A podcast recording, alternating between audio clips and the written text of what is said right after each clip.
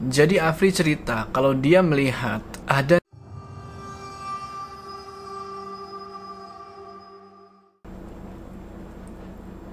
Assalamualaikum teman-teman, balik lagi sama Gojo Apa kabar kalian semua? Gimana stay at home-nya? Semoga kalian semua yang menonton video ini diberikan kesehatan, dilancarkan rezekinya, dan dimudahkan urusan-urusannya Dan selalu dilindungi dari wabah yang sedang menjangkiti seluruh dunia saat ini. Kembali lagi di pendakian horormu Di mana di segmen ini gue akan menceritakan kisah-kisah horor pendakian Yang sudah kalian kirimkan ke email gue Pada kali ini gue dapat cerita dari seseorang yang sebut saja namanya Lia Dari Sumatera Barat. Jadi Lia ini mendaki ke gunung yang bersebelahan dengan gunung Yang pernah didaki oleh Andre dan Nopeng. Kalian tahu kan gunung apa itu? Kejadian mistis apa yang mengintai Lia dan teman-temannya sewaktu mereka mendaki ke gunung itu? Tonton video ini sampai habis. Sebelum kita mulai, jangan lupa kalian like video ini dan bagi yang belum subscribe, ayo subscribe sekarang ke channel ini supaya kalian gak ketinggalan cerita-cerita horor selanjutnya. Udah siap ya? Mode horor aktif. Jadi pada tahun 2016, Lia yang waktu itu adalah seorang mahasiswa di salah satu universitas di kota Padang ingin melakukan pendakian ke salah satu gunung yang berada di Sumatera Barat bersama dengan teman-temannya. Nah, pilihan jatuh pada Gunung Singgalang. Mereka awalnya berencana untuk melakukan pendakian dengan jumlah anggota 8 orang, 4 orang perempuan dan 4 orang laki-laki. Tapi ketika hari keberangkatan, Dua teman Lia yang bernama Flore dan Ander tiba-tiba membatalkan untuk pergi. Flore beralasan karena dia sedang banyak tugas. Sedangkan Ander beralasan kalau dia baru tahu ternyata Gunung Singgalang ini sudah tidak aktif. Nah, dia enggan untuk mendaki gunung yang sudah tidak aktif atau istilahnya mati karena banyak hal yang dia takutkan kalau dia naik ke gunung yang mati. Menurut dia, Singkat cerita, dimulailah pendakian pada hari Kamis dengan jumlah anggota 6 orang. Segala keperluan pun disiapkan. Mereka berangkat dari kota Padang pada jam 5 sore dan sampai di Pasar Koto Baru pada jam 8 malam sekitar tiga jam berkendaraan. Mereka pun belanja logistik untuk keperluan mendaki di sana. Setelah selesai belanja, mereka pun melanjutkan perjalanan menuju ke pos pendaftaran Gunung Singgalang dan sampai di sana sekitar jam setengah sembilan malam. Mereka berencana untuk naik malam itu juga. Tapi, ketika di base camp, mereka sempat ditanya oleh ranger yang ada di sana. Apakah bapak-bapak dan ibu-ibu mau naik malam ini? Iya pak, langsung. Ranger itu melarang mereka untuk naik malam itu. Karena baru ada rombongan yang turun tadi jam 7 malam. Nah, salah satu anggota rombongan itu ada yang kakinya sakit dan tidak bisa digerakkan sama sekali dengan alasan yang tidak jelas. Mereka juga melihat berbagai hal-hal yang aneh. Dan yang paling ngeri, mereka melihat seorang nenek tua yang kakinya rusak di hutan bambu. Lia dan yang lainnya pun menuruti apa kata-kata ranger itu. Lalu memutuskan untuk menginap di base camp dan memulai pendakian esok pagi. Keesokan harinya, pada jam 5 pagi, mereka semua terbangun dan bersiap-siap untuk mendaki. Pada pukul 7, mereka memulai pendakian, tidak lupa berdoa terlebih dahulu. Formasi pendakian dipimpin oleh Afri di depan dan Florian di paling belakang. Sekitar 7 jam perjalanan, mereka baru sampai di tengah pintu rimba. Perjalanan yang cukup lama, karena mereka banyak berhenti. Maklum, cewek-cewek di rombongan itu banyak minta istirahat. Nah, di pintu rimba itu ada sedikit space buat mendirikan tenda. Karena sudah cukup kelelahan, mereka memutuskan untuk mendirikan tenda dan bermalam di tempat itu. Dan di sinilah dimulai kejadian yang ganjil. Waktu itu sudah jam 5 sore. Lia bersama temannya yang bernama Mary dan Shafni ingin pergi buang air kecil, sekaligus mengambil air untuk memasak. Sesampainya di mata air, Shafni bilang kalau dia sedang haid. Setelah urusan di sana selesai, mereka pun kembali ke tenda. Pada malam harinya, Afri membuat api unggun kecil dengan membakar semua sampah kering yang sudah ia kumpulkan dan juga ia iseng membakar cangkang telur bekas tadi sore. Lia itu lumayan peka akan hal yang seperti itu. dan ia merasakan kalau suasana berubah seketika. Jadi, bau dari pembakaran itu sangat menyengat dan mengundang hal-hal aneh. Benar saja, saat mereka sedang bercanda di depan tenda, terlihat bayangan perempuan, rambutnya panjang, bajunya putih, terbang di antara pepohonan. Lia langsung mengalihkan pandangannya. Dia tidak berani untuk melihat ke pepohonan tersebut. Afri pun sepertinya juga merasakan kehadiran makhluk itu. Seketika mereka semua langsung masuk ke dalam tenda. Suasana pun mulai hening dan mencekam. Hanya terdengar suara daun-daun pepohonan yang tergesek angin. Saat itu hanya ada mereka saja, tidak ada tenda pendaki lain. Di dalam tenda, mereka semua memutuskan untuk tidur karena besok pagi mereka mau berangkat menuju ke Telaga Dewi. Mereka terbangun pada jam 5 pagi dan langsung bersiap-siap untuk melanjutkan pendakian. Pada jam 10, mereka baru beranjak dari tempat itu. Awal-awal perjalanan, Lia merasa tidak terlalu semangat karena masih teringat dengan sosok putih semalam. Formasi barisan mereka masih sama seperti kemarin. Setelah satu jam perjalanan, mereka sempat bertemu dengan seekor burung jalak hitam ketika beristirahat. Burung itu seperti mengelilingi mereka. Jadi burung itu loncat dari pohon ke pohon jadi kayak muterin mereka. Sempat mereka berikan burung itu makanan, tapi burung itu tidak memakannya. Ya udahlah, mereka nggak mikir yang aneh-aneh. Mereka pun lalu melanjutkan perjalanan. Setengah jam perjalanan kemudian, mereka bertemu dengan seekor ular besar yang menghadang. Ular itu sedang memakan seekor burung. Alhasil mereka nggak bisa terus dong. Mereka mereka tunggu ular itu sampai selesai, baru mereka lanjut lagi. Sebelum mereka sampai ke Cadas, mereka berpisah menjadi dua kelompok. Lia, Afri, dan Florian berjalan di belakang karena mereka membawa carrier yang lumayan berat. Sedangkan Mary, Yori, dan Shafni memutuskan untuk jalan duluan dan menunggu di Cadas. Ada yang menarik lagi. Sebelum mereka sampai ke Cadas, mereka bertiga berpapasan dengan sepasang anak kecil, kurang lebih berusia 8 tahunan. Mereka berpakaian seperti pendaki cilik. Spontan, mereka langsung menyapa kedua pendaki cilik itu. Setelah beberapa lama perjalanan, akhirnya mereka sampai juga di Cadas. Mereka pun bertanya kepada Mary, Yori, dan Shafni perihal tentang pendaki cilik itu. Tapi mereka bertiga bilang kalau mereka tidak melihat siapa-siapa. Dan juga mereka bilang kalau tidak ada pendaki lain yang sampai di Cadas kecuali Lia dan dua orang temannya. Namun Mary bilang kalau tadi sebelum sampai Cadas, mereka mendengar teriakan seseorang memanggil seperti ingin bareng. Tapi saat mereka menoleh ke belakang, tidak ada siapa-siapa.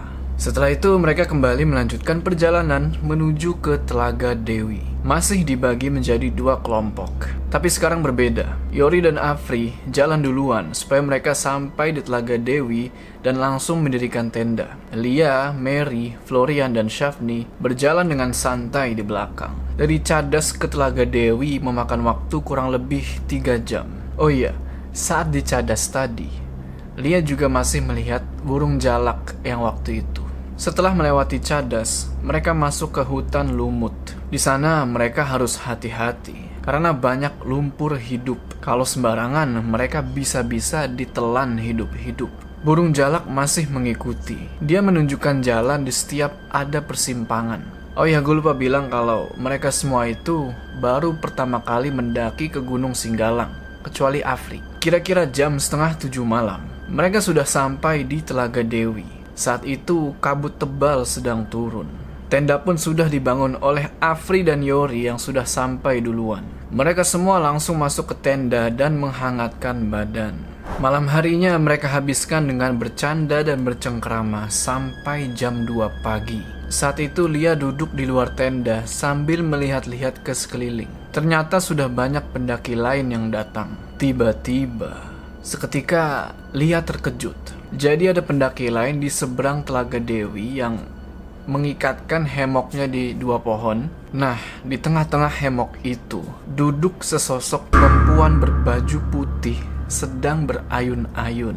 Sontak Lia langsung memilih untuk masuk ke tenda dan tidur disusul oleh teman-teman yang lainnya. Besoknya mereka berencana untuk turun gunung. Pagi harinya, Lia dan teman-temannya sedang duduk-duduk di pinggir danau, dan Lia melihat dua ekor ikan mas yang sangat besar di danau tersebut. Tapi yang aneh, teman-teman yang lain tidak melihatnya. Saat itu Afri bertanya, "Mau turun sekarang atau enggak?"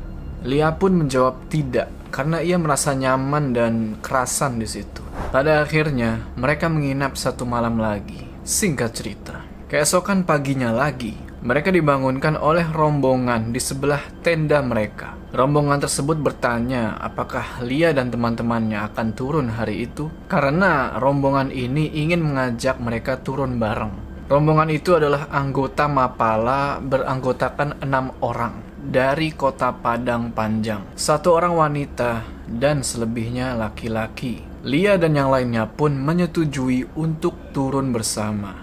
Mereka lalu bersiap-siap dan berkemas. Tidak lupa mereka mengumpulkan sampah dan membawanya turun. Mereka turun pada jam 1 siang. Di perjalanan turun tidak ada kejadian yang aneh. Tapi kejadian-kejadian ganjil muncul lagi pada saat mereka memasuki hutan bambu sebelum sampai ke base camp.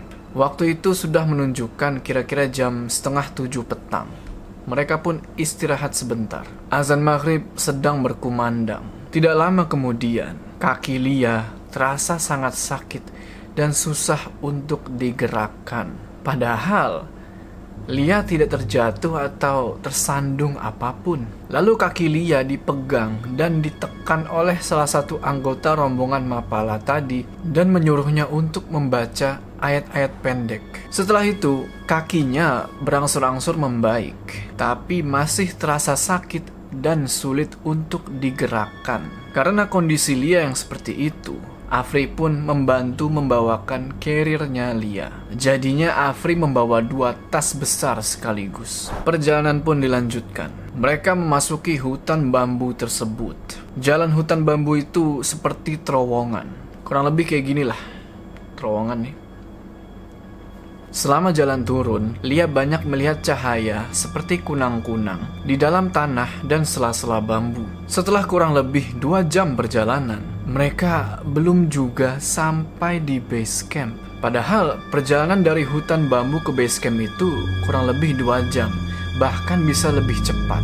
Nah di jalur itu kan ada tiang pemancar radio tuh, buat menara yang ada di puncak Singgalang. Nah, Lia mendengar kalau si Afri ini suka mengetuk tiang tersebut. Ia mendengar Afri mengetuk sampai tiga kali. Dan saat Lia melihat ke arah Afri, sontak ia kaget. Karena ada sosok hitam besar di belakang Afri.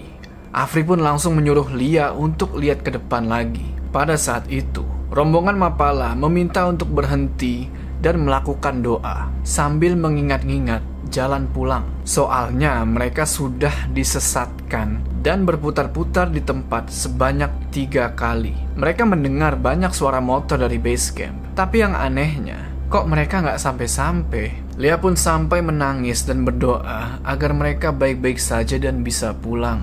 Setelah berdoa, mereka mulai berjalan lagi. Dan sepanjang perjalanan, ternyata kejadian mistis belum selesai. Mereka seperti merasa diintai, dan benar saja, dari balik bambu ada sepasang mata merah yang mengawasi mereka. Tapi Lia berusaha untuk tidak menghiraukannya. Tidak sampai di situ. Jadi sempat ada sebatang bambu yang menghalangi pandangan Lia. Lalu Lia menyingkirkan bambu tersebut. Jadi kayak, hmm, dan kalian tahu apa yang terjadi? Jadi pas bambu itu disingkirkan, kayak gini, kayak set pas gini set. Langsung whoosh, ngerti? Ber, langsung mendekat cepat. Sesosok wajah berwarna putih tapi matanya hitam semua. Spontan Lia terjatuh dan menangis. Mary yang ada di depannya langsung menolong dan mengajak Lia untuk berjalan lagi tanpa bertanya. Mungkin karena Mary sudah tahu kalau Lia itu sensitif. Setelah sekian lama berjalan, akhirnya mereka keluar juga dari hutan bambu itu dan melihat lampu base camp. Saat sampai di base camp, Lia bersih-bersih dan membuka sarung tangannya. Dia sempat kaget karena tangannya sudah penuh dengan darah. Padahal tangannya hanya luka sedikit, seperti di seperti ditusuk jarum lah. Mereka pun mengambil kendaraan dan pulang ke kota masing-masing. Nah, sekarang kita akan bahas tentang kejadian-kejadian mistis sewaktu di pendakian itu. Ingat yang kakinya Lia sempat sakit? Jadi Afri cerita kalau dia melihat ada nenek tua duduk di sebelah Lia. Mungkinkah nenek itu adalah nenek yang sama yang dialami oleh rombongan yang ingat kan yang pertama-tama sebelum rombongannya Lia ini naik? kan ada ranger yang bilang tuh kalau ada rombongan yang turun terus ada yang anggota kakinya sakit. Apakah mungkin nenek itu yang menyebabkan kakinya Lia sakit? Lalu Afri cerita juga kalau sehari setelah pendakian itu pas malam-malam teman kosnya bilang kalau dia melihat Afri diduduki oleh makhluk hitam besar. Dan Afri juga mengaku kalau dia selalu merasa sesak saat tidur malam. Sampai saat itu, Lia pun juga masih merasakan sakit di kakinya. Padahal tidak ada cedera. Mereka lalu memutuskan untuk berobat ke kiai. Dan benar saja, sosok hitam dan nenek-nenek itu masih mengikuti mereka. Lalu diusirlah kedua makhluk tersebut. Dan Lia, dia tidak ingin lagi mendaki ke Gunung Singgalang. Dia takut kalau terjadi lagi hal yang serupa. Oke teman-teman, gimana tuh tadi ceritanya? Tulis pendapat kalian di kolom komentar ya. Apa ada juga yang punya pengalaman mistis waktu mendaki ke Gunung Singgalang? Sebelum kita berpisah, jangan lupa kalian like video ini dan bagi yang belum subscribe, ayo subscribe sekarang ke channel ini supaya kalian nggak ketinggalan cerita-cerita horor selanjutnya. Gua Joe, sampai ketemu di cerita selanjutnya.